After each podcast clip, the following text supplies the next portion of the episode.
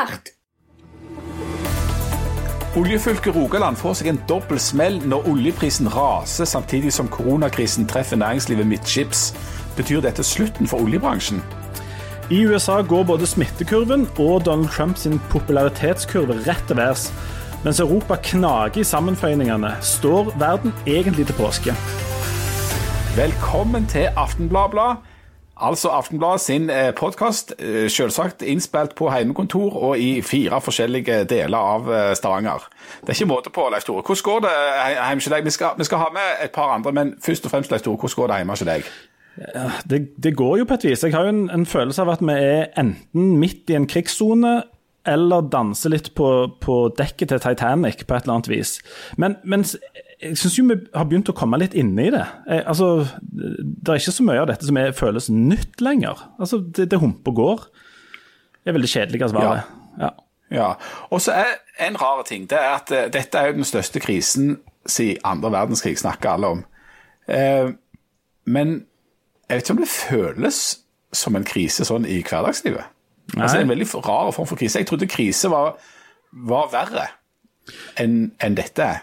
Ja, det... Dette ligner på en måte mest Det ligner jo på en form for dagligliv, bare at vi ikke går på kontoret og ikke er på besøk så mye. men ja, det gjør jo det foreløpig. Men det dukket, hos oss har det dukket opp noen sånne litt sånn nye problemstillinger som vi må liksom ta, finne litt ut av.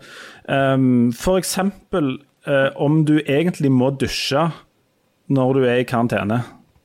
Ja. Har dere funnet noen løsning på det?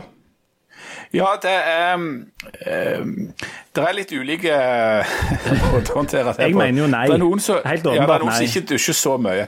Så, så er det en, en, eh, en, diskusjon med enkelte deler av husholdningene om en bør kle på seg som om det er en vanlig dag, eller om det er greit å gå rundt i morgenkåpa, uh, liksom. Har, jo, Vi har morgenkåpa her i hele dager.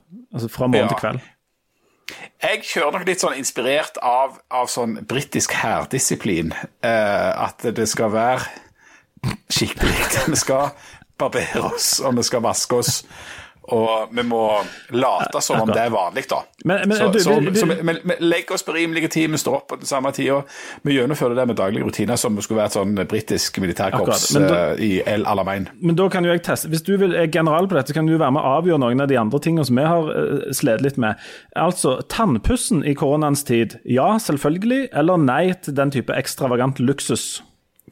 Hva tenker du? Nei, Så lenge det er noenlunde stabile vannforsyning og det regner godt ute, så syns jeg folk skal pusse tennene. Ok, ja, Det er greit. Eh, krokanis til frokost, fullverdig frokost eller nei? Ja, Der vil jo den eh, britiske offiseren i meg si nei, men uh, han litt uh, tjukke, glad i mat-karen uh, som sitter her, vil jo selvsagt si ja. Det er en kjempeidé. Det, det naturlige oppfølgingsspørsmålet, hvis det ikke er fullverdig frokost, kan det være en fullverdig middag? Ja, altså igjen. Eh, fra et britisk offiserssynspunkt absolutt ikke, men fra et pragmatisk eh, matvrakperspektiv ja. topp stemning. Over til, en, over til en mye mer, eller jeg vil si vanskeligere problemstilling, som òg er litt vanskelig å formulere. Altså, når det gjelder det intime og private, kan én i et ekteskap påberope seg denne tometersregelen for å slippe samkvem? Der syns jeg jo ikke at det skal være opp til den enkelte. Der må, det, eh, der må en hvile tungt på det som Jeg mener at han der Gullvåg i uh, Helsedirektoratet sa det helt i starten av dette her, at selvsagt så hjalp ikke disse grensene for, uh, for ektefeller og sånt. Nei. Sånn at, og jeg, jeg, kan tenke meg at Det er sikkert mange som havner opp i den diskusjonen da. og Da syns jeg at istedenfor at enn f.eks. ham står der og argumenterer for det, så skal han bare vise til Gullvåg og helsedirektørens ord om at en selvsagt må få komme inn forbi altså sin teamgrense eh, der. Ja, men uten... og, det, og, det, er bare sånn, og det, og det, er, sånn, det er et folkehelsespørsmål. Ja. Det er rett og slett folkehelse det står på. Men, men, uten å på en måte oute folk, så, så jeg, har jeg hørt, og nå snakker jeg, jeg spør for en venn, eh, men det der å ta med seg bilder av han Gullvåg eller Preben Aavitsland eller Erna Solberg inn i det aller helligste og prøve å argumentere med fotografier av disse og utskrifter fra Folkehelseinstituttet, det har ikke denne pirrende effekten på enkelte som òg skal få være anonyme, har jeg hørt. Fra en venn. Dette syns jeg høres veldig forvirrende ut. Jeg syns ikke det er noen ting som er mer pirrende enn en god argument. Og han Gullvåg?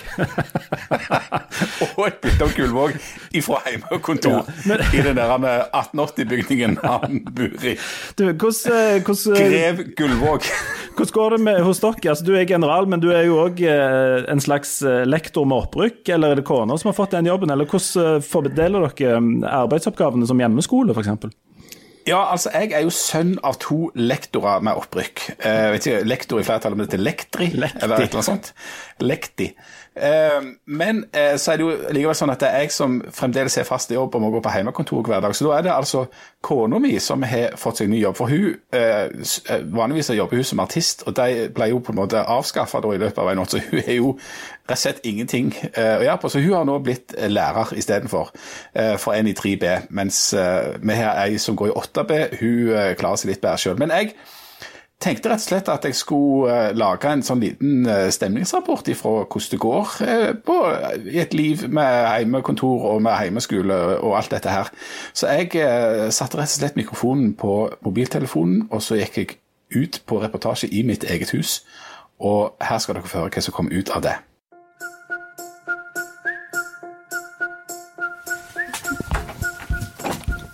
Hva som skjer? Får vi lov å ha øynene åpne? Ja. Skal jeg bare se ned? Ja, det kan jeg. Kan vi se ned? Her skal vi se ned. Skal vi se på Det bordet? kan jeg. Å, du har dekk på, tent lys og alt. Har du lagd frokost, du, mann? Og brød òg. Du har jo fiksa alt, det. Åh, du altså. Hvordan kom du på dette, mann? For jeg tenkte at mamma er snart ferdig på badet, og pappa er snart ferdig på morgenmøtet, så det er sånn fem minutter på meg. Det var jammen meg en god idé, altså. Takk skal du ha.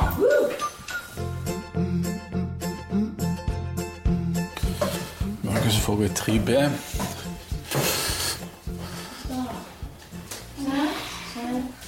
Oversett fra engelsk til norsk og fra norsk til engelsk. sånn. Og det er se andre oppgaveark. Da må vi finne oppgavearkene dine. ok? Classroom. Google Classroom. Ligger de på Google Classroom? Det tror jeg.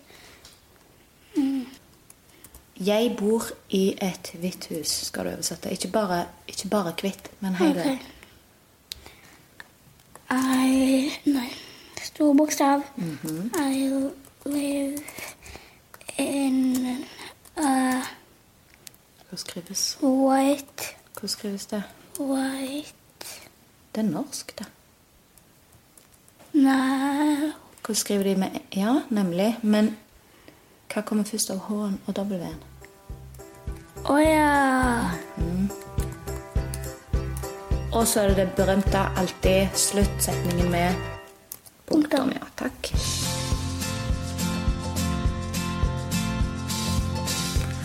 Ja, men Hanse, hvordan syns du det er å ha hjemmeskole? Jeg syns egentlig det er helt fint, faktisk. Gjør du det? Jeg syns det er gøy å slippe å bare gå helt bort til skolen. Bare liksom ligge i senga til dere står opp. Men du står jo alltid opp før oss. Du står opp til vanlige tid uansett, du. Ja ja, det, det er gøy, det òg. Men du, kompisene dine, da? Ja, jeg savner de. Men Aske er jo med, da. Ja. Heldigvis. ja, han er du heldigvis med hver dag. Nesten. Hva syns du om eh, mor di som lærer, da? Jeg syns det Jeg syns du er ganske flink, faktisk. Ja, For hun var jo ikke lærer før dette her. Nei, Nei. det var hun ikke. Nei, hun er ganske god, altså.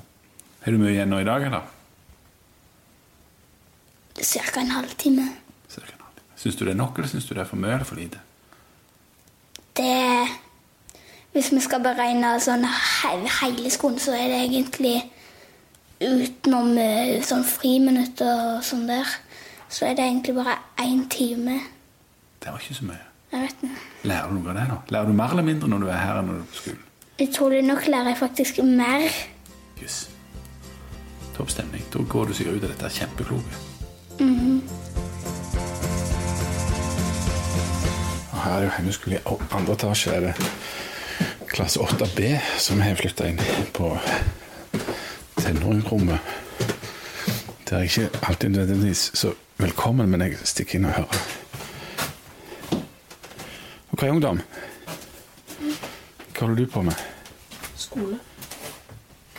Ja, hva da slags fag? Det så ut som du holdt på med iPaden. Ja, det er den jeg bruker. Hva er det med matte, da? Algebra. Nei, tulla. Ligninger. Ligninger? Ja. Kan du det nå? Noe av det. Liker du hjemmeskole? Ja. Bedre enn å gå på skole? Ja. Hvorfor da? Nei, fordi at da har jeg mye større frihet, og så, så får jeg noen konkrete oppgaver, for det er ikke alltid vi får på skolen. For du får, du får det her skal du gjøre denne timen, og når du har gjort det, så er du ferdig, og da kan du liksom Da kan du spise, eller noe sånt. Da, da er du mye mer fri enn hvis du er på skolen. Det er jo sånn Ja, sitte og lese i fem minutter liksom til timen er over. Ehm, ja. Og så slipper jeg å stå opp tidlig. Ja, du var altså Du brukte en time i dag, for jeg vekte deg litt seint. Men det var fordi at jeg eh, gjorde oppgaver. Du er blitt så glad i skolen at du gjør oppgaver før du har våkna skikkelig hjemme. Ja, ja, men da får jeg eh, mer tid til å gjøre ikke noe. Og det er det beste du vet? Ja. Ok. Masse tid gjøre ikke noe. Ja, men jeg gjør jo selvfølgelig noe, da. Hva skal du gjøre resten av dagen, da? Skole. Ja, Jesus Christ. Du, du er jo 13 og du vet du skal svare i liksom, fulle setninger. Det er du som stiller meg ja-nei-spørsmål. Ja, Beklager det. Um, Fortell om hva du skal ha, ha slags fag resten av dagen. jeg vet ikke, det må jeg sjekke i så fall. Ah, hele setningen helt ubrukelig. Ok, takk skal du ha. Ja, det, der er noe, der er noe gjenkjennelig uh, i, i det der greiene der. Kunne du blitt lærer sånn over natta, du? Jeg eh, har nok uh, ikke tålmodigheten og blir litt for fort, la oss bruke det forsiktige ordet, irriterte når de ikke lærer det på hverken første, andre eller tredje forsøk. Så jeg Du, lærere er der, lærere er der jo i alle fall bruk for nå. Um, jeg tror det er, det er mer spennende å sitte i andre jobber. Um, vi har med oss um, Hilde Øvrebekk og uh, Arild Inge Olsson. Er dere uti der noen plass? Ja, god dag. Dere er det. Du, Hilde, uh, du har jobbet mye med olje opp gjennom. Og um, nå er det rapporter som viser at det kan ryke 10 000 arbeidsplasser i Rogaland. Ganske mange i olje. Og vi har òg en historisk Eller ikke, vi har en oljepris som er synkende. Uh, hva er det som rammer næringslivet i Rogaland mest? Er det koronakrisen, eller er det egentlig dette oljeprisfallet? Det er jo begge deler, og det, er faktisk tre ting. Eh, fordi at eh, først av alt så fører jo eh, koronakrisen til at folk ikke reiser noen ting. De bruker ikke transportmidler, ikke flybensin, ikke diesel, ikke bensin. Så oljeetterspørselen går jo ned pga. det. Og i tillegg så har det vært en slags priskrig mellom Saudi-Arabia og Russland, som ikke ble enige om en avtale om å redusere eh, produksjonen lenger. Eh, det begynner jo nå i april at de skikkelig kjører på med full produksjon og eh, lave priser. Så det vil jo føre til at eh, det blir så mye olje i markedet at, eh, at vi rett og slett oversvømmes. Så, sånn at prisene er jo i fritt fall. Eh, I tillegg så kom det jo en rapport nå eh, denne uka fra Menon Economics som viser at de eksportrettede industriene, spesielt da i Rogaland, kommer til å slite framover fordi at eh, det er ganske mange her som selger til utlandet, og i utlandet er det heller ikke etterspørsel etter de varene lenger som de eh, selger. Er dette straffa for å være flinke? Fordi at det å ha en industri der en får eksportert masse varer til utlandet, og på den måten eh, tjene penger og gjøre sånn som AS Norge egentlig vil at vi skal gjøre, det har da altså den baksida at vi blir himla sårbare når det da oppstår en global krise. Det er vel ikke en uh, straff for det, men det er jo en slags straff for AS Norge for å ikke ha sett lenger enn olja eh, i mange år. Nå har det jo vært litt annerledes siden oljekrisen, fordi at er mange industrier som har snudd seg i andre retninger. Men det som skjedde med den svake kronekursen, var jo at eksportbedriftene har jo tjent masse penger på det. Og de har jo skaffet seg markeder der ute og vært konkurransedyktige i de markedene eh, i et par-tre år nå eh, og bygd seg opp. Og nå, nå, ramler jo det sammen i tillegg. Eh, så alle disse tingene kommer til å slå inn på Rogaland om arbeidsmarkedet her. 2.1 var prisen på et fat olje 66 dollar. I dag er det rundt 25, og det er et fall på 62% har lektor general Zahl regna ut. Hva, hva betyr dette for oss som bor i Rogaland og Norge? Det betyr jo eh, at framover så har vi ingen oversikt over hva som kommer til å skje, verken med oljeprisen eh, eller med koronaviruset. Og det er enorm usikkerhet. Oljeprisen kan komme ned i ti dollar, den kan komme enda lenger ned eh, fordi det er så stor usikker, fordi det er så enormt mye olje i markedet så det ikke er etterspørsel etter. Sånn, sånn at det, det som det skaper i Rogaland spesielt, spesielt, er jo en usikkerhet for alle de leverandør, i leverandørindustrien som leverer tjenester og varer til oljeindustrien. Oljeindustrien har kuttet i letebudsjetter, i investeringer, så betyr at aktiviteten vil gå ned uansett i år, eh, og kanskje året som kommer. Så, så de, de må på en måte nullstille alt. Eh, og det som var oppgang i begynnelsen av året, det, det må de se helt annerledes på nå. Men er det en fordel, altså en slags jeg vet ikke om jeg skal kalle det for en god nyhet, for det blir litt eh, feil ord i denne sammenhengen, men det at eh, oljebransjen har kutta så mye kostnader etter den forrige krisen som var for få år siden, gjør det at en er bedre rusta til å håndtere en lav oljepris nå enn en ville ha vært for fem år siden? Ja, eh, det, det, gjør at de er mer robuste, og at prosjektene eh, som de hadde gående under oljekrisen, som da var ekstremt dyre, har de nå fått ned prisen på.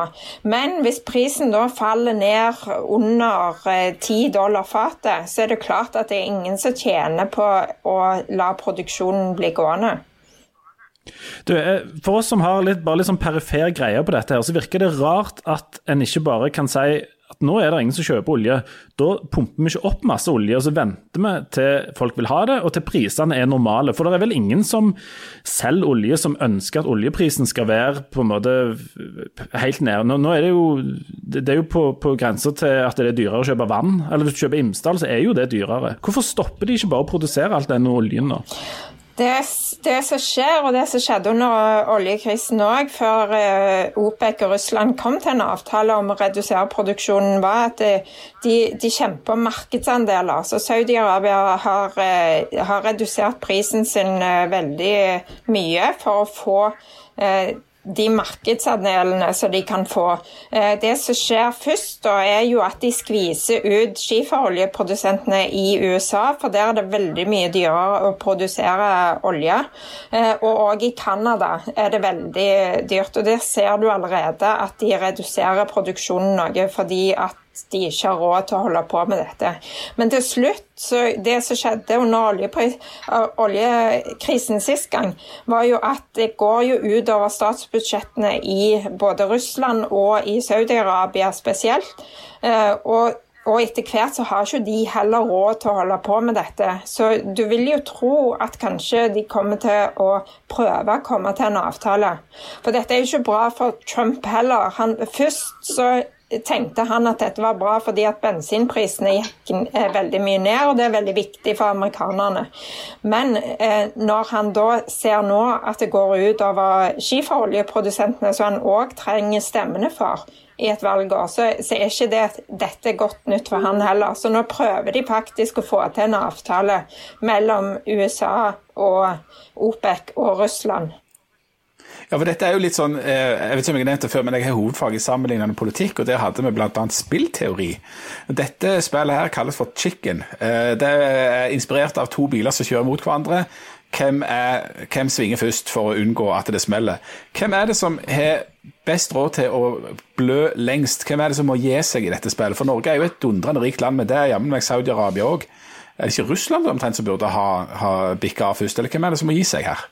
Men eh, Norge har ikke så mye de skulle ha sagt i dette. De må bare følge med på det som skjer. fordi det er jo OPEC og Russland som sitter med makta her, og til dels USA. Men USA eh, prøver jo å få til en avtale for å redde seg sjøl på en måte. Det, men, men, her er det jo Saudi-Arabia som sitter med den største makten. Eh, og det er der det er billigst eh, å produsere oljen. Så, så det skal gå ganske langt før de trenger egentlig eh, å kutte produksjonen igjen. Eh, og Hvis de da får til å få markedsandeler av dette, så betyr jo det at de tjener mye penger, mer penger enn alle de andre. Men samtidig så er jo oljeprisen svingt kolossalt til alle tider. Den har gått både opp og den har gått ned. Kommer den til å svinge tilbake opp igjen, sånn at eh, vi kommer tilbake til der vi var før, og Norge fremdeles tjener grassat masse penger på olje? Det kan hende, og det kan hende ikke. fordi det er veldig mye eh, Før denne oljekrisen her, så har det jo vært veldig mye usikkerhet i markedene blant investorer. For det, det, har, der er jo klimamål som skal nås, eh, og, og der er, er, kutt som skal gjøres. Der er mye mer dreining på eh, energi, ren energi. Eh, FN sine bærekraftsmål sier at vi skal ha ren energi til alle.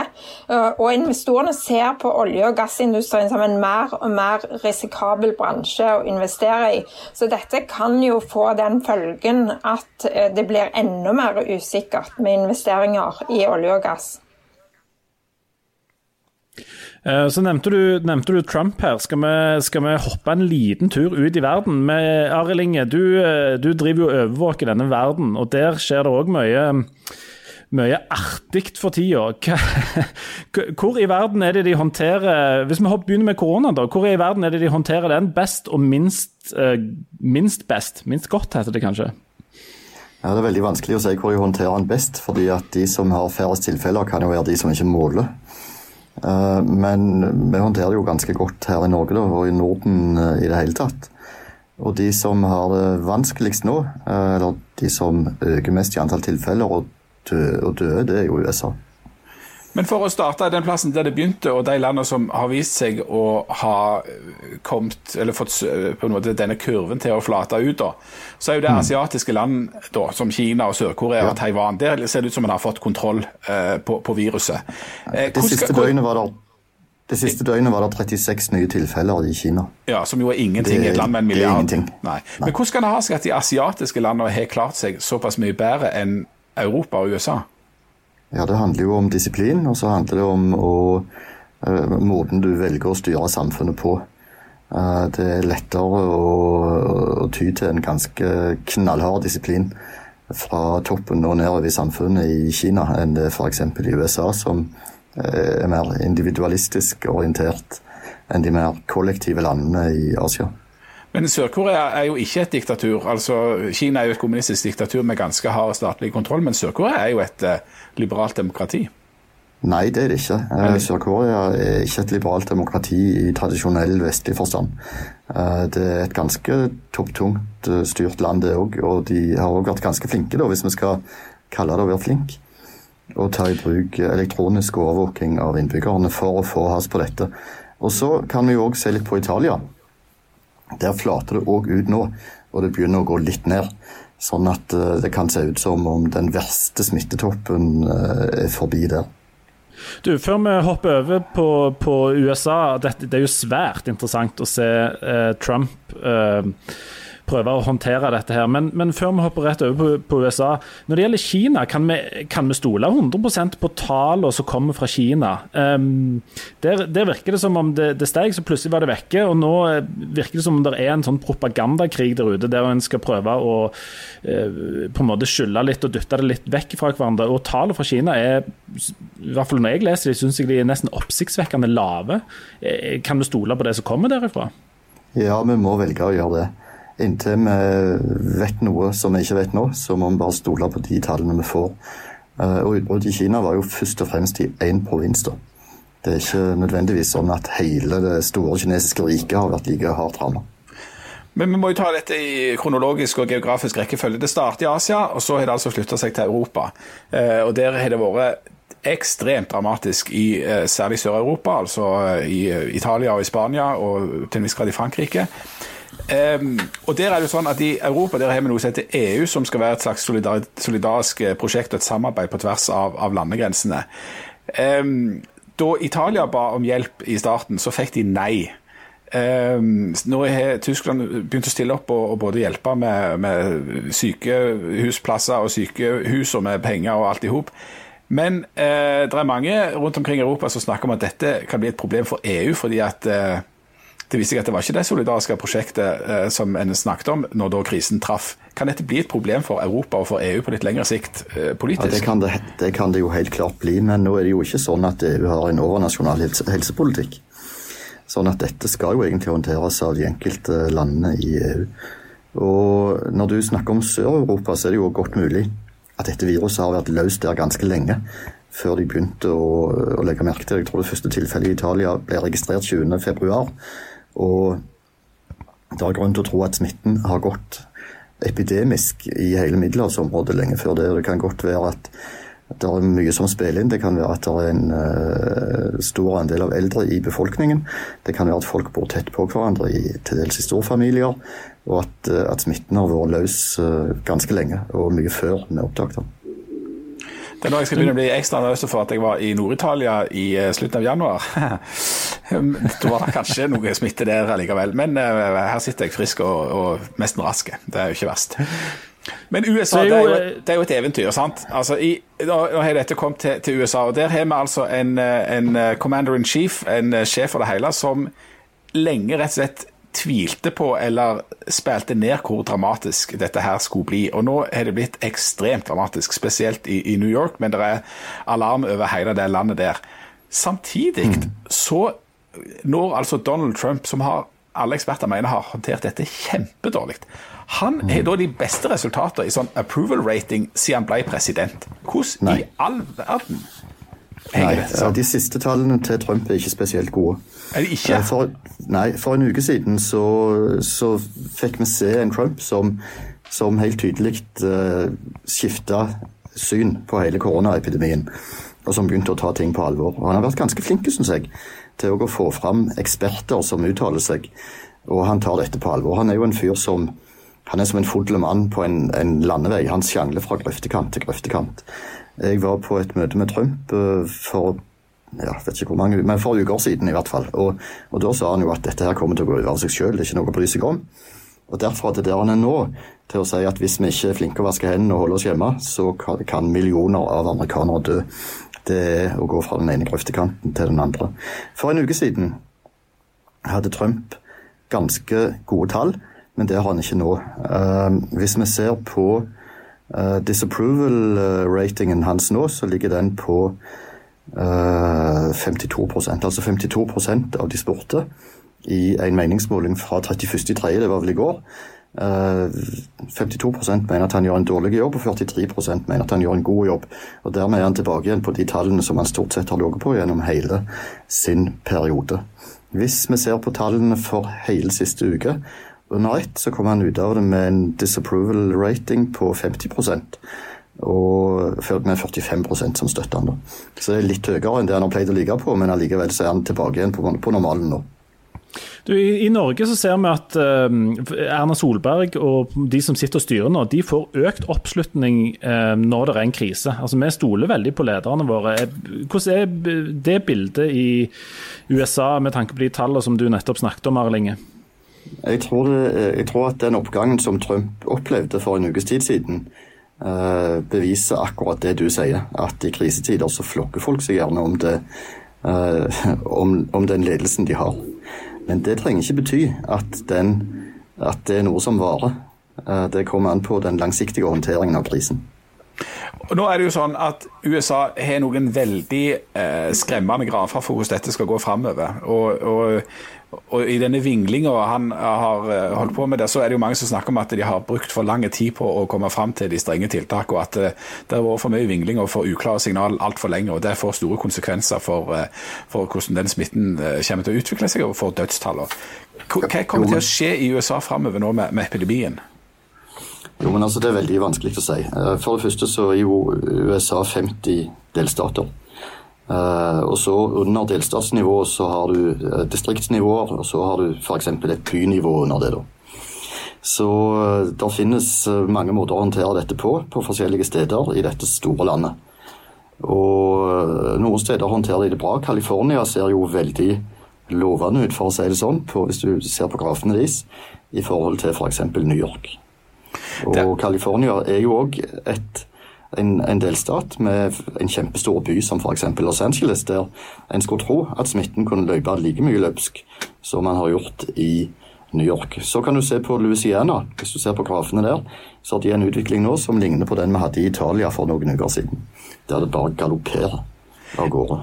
En, en, som jo har stått fram og blitt en slags sånn nasjonale figur i eh, koronahåndteringen i USA, det er jo han eh, Komo, altså han som er guvernør i, eh, i, New York. og Han har daglige pressekonferanser som nå blir streama på mm. både New York Times og, og, og på nasjonale TV-kanaler. Og Jeg så på det i går, og han, eh, han er jo i, i trøbbel. eller han, han, har virkelig prøvd å ta dette på alvor og har hatt store problemer nå gjennom med det. Han fortalte i går at et av problemene var at de jo ikke får tak i disse pustemaskinene. Og Pustemaskinene de finnes altså i Kina, og de prøver da å få kjøpt de, og prisene på de har jo gått kolossalt opp, og det er grenser for hvor mange pustemaskiner du kan få tak i. Og Det han beskrev var altså at de enkelte statene i USA, fordi at de er styrt av guvernører og på statlig nivå, nå driver og byr på å prøve å få tak i de samme pustemaskinene som det bare finnes et begrenset antall på. Det betyr at prisen jo går til himmels, og at alle ikke kan få.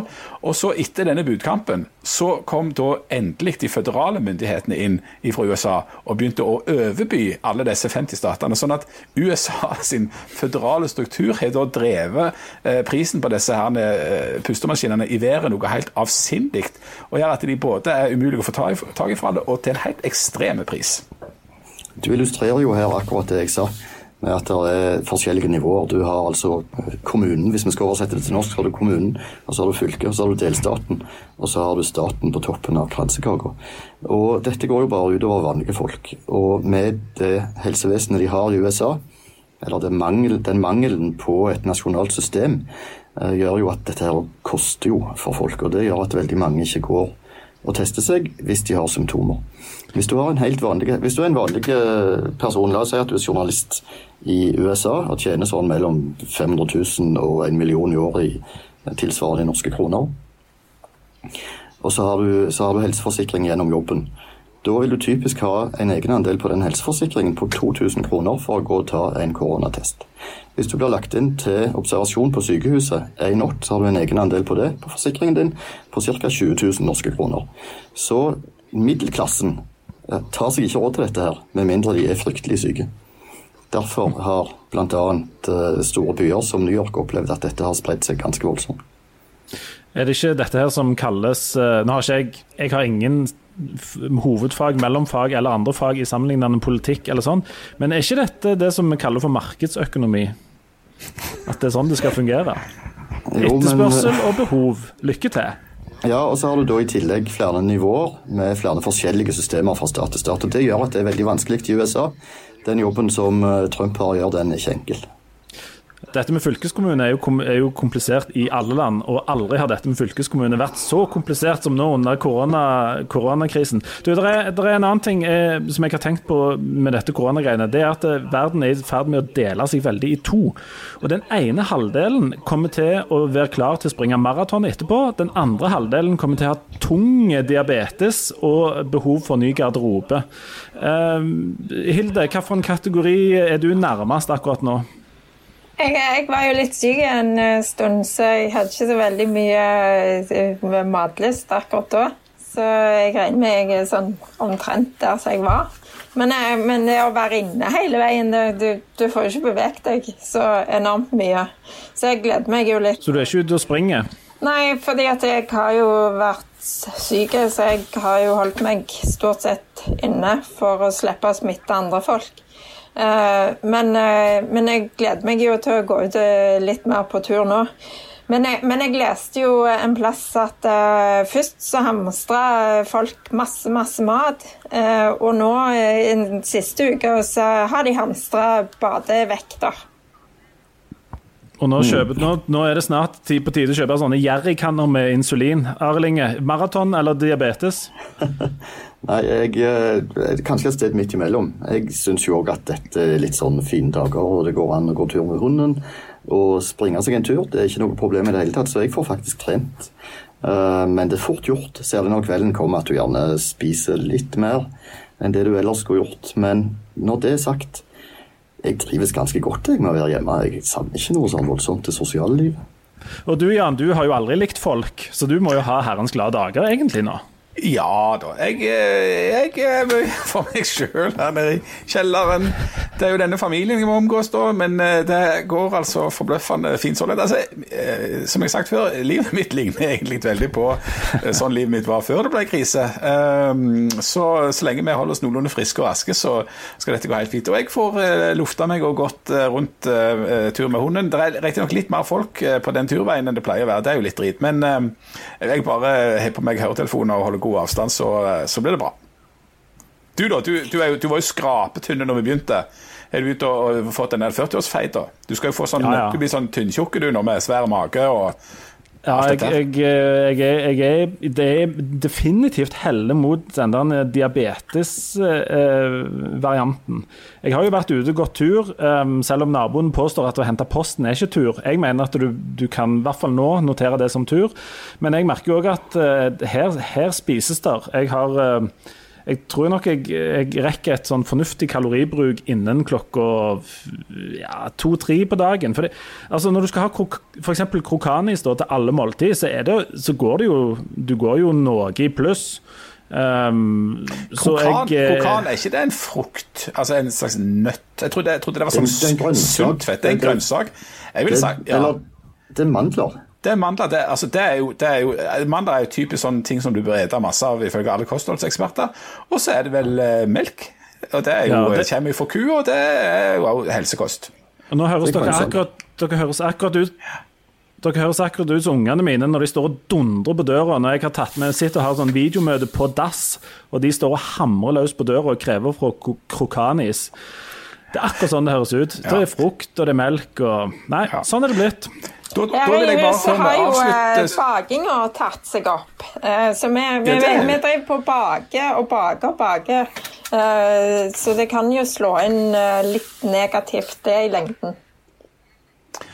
Bra. Men du Leif Tore, før vi slutter, da, så bare foreslår jeg at du finner det klippet av Sindre Gullvåg, var det ikke den heter? Og så tar du det med nå til helga. Og så spiller, du, så spiller du det av, og så ser du hva som skjer. Ja, eller, for, for, han, for han vennen din. Ja, jeg, ja, Altså Uten å gå i detalj, så tenker jeg nå at det der med at jeg ble sterilisert rett før dette begynte, det var penger rett ut vinduet. De ville jeg heller nå hatt og brukt og satt i sånne aksjer for de som lager kokanis. Og med de tvilsomme ordene så tror jeg vi takker for oss, for nå Nå tror jeg vi bør. Nå må vi gi oss. Vi er tilbake om ei uke, så får vi se hvordan situasjonen er da. Takk til Hilde Øvrebekk, takk til Arild Inge Olsson, eh, og takk til deg, Jan, og takk til meg sjøl. Ha det! Ha det. Ha det. Ella, hva syns du om koronaen? Nei, jeg liker det ikke. Pappa. Men, du, må, må, du, må, stå opp nå. Nei, jeg orker ikke. Jo. Jeg vil sove lenge. Nei, du skal ikke sove lenge. Nå må du opp. Nei, gå. Nei, nå må vi stå opp. Pappa, stopp. Kom igjen. Jeg kan sove så lenge jeg vil. Nei, du, du kan ikke det. Du, det er skole òg nå. Nei. Kom igjen. Nei. Kom igjen. Pappa, jeg er trøtt.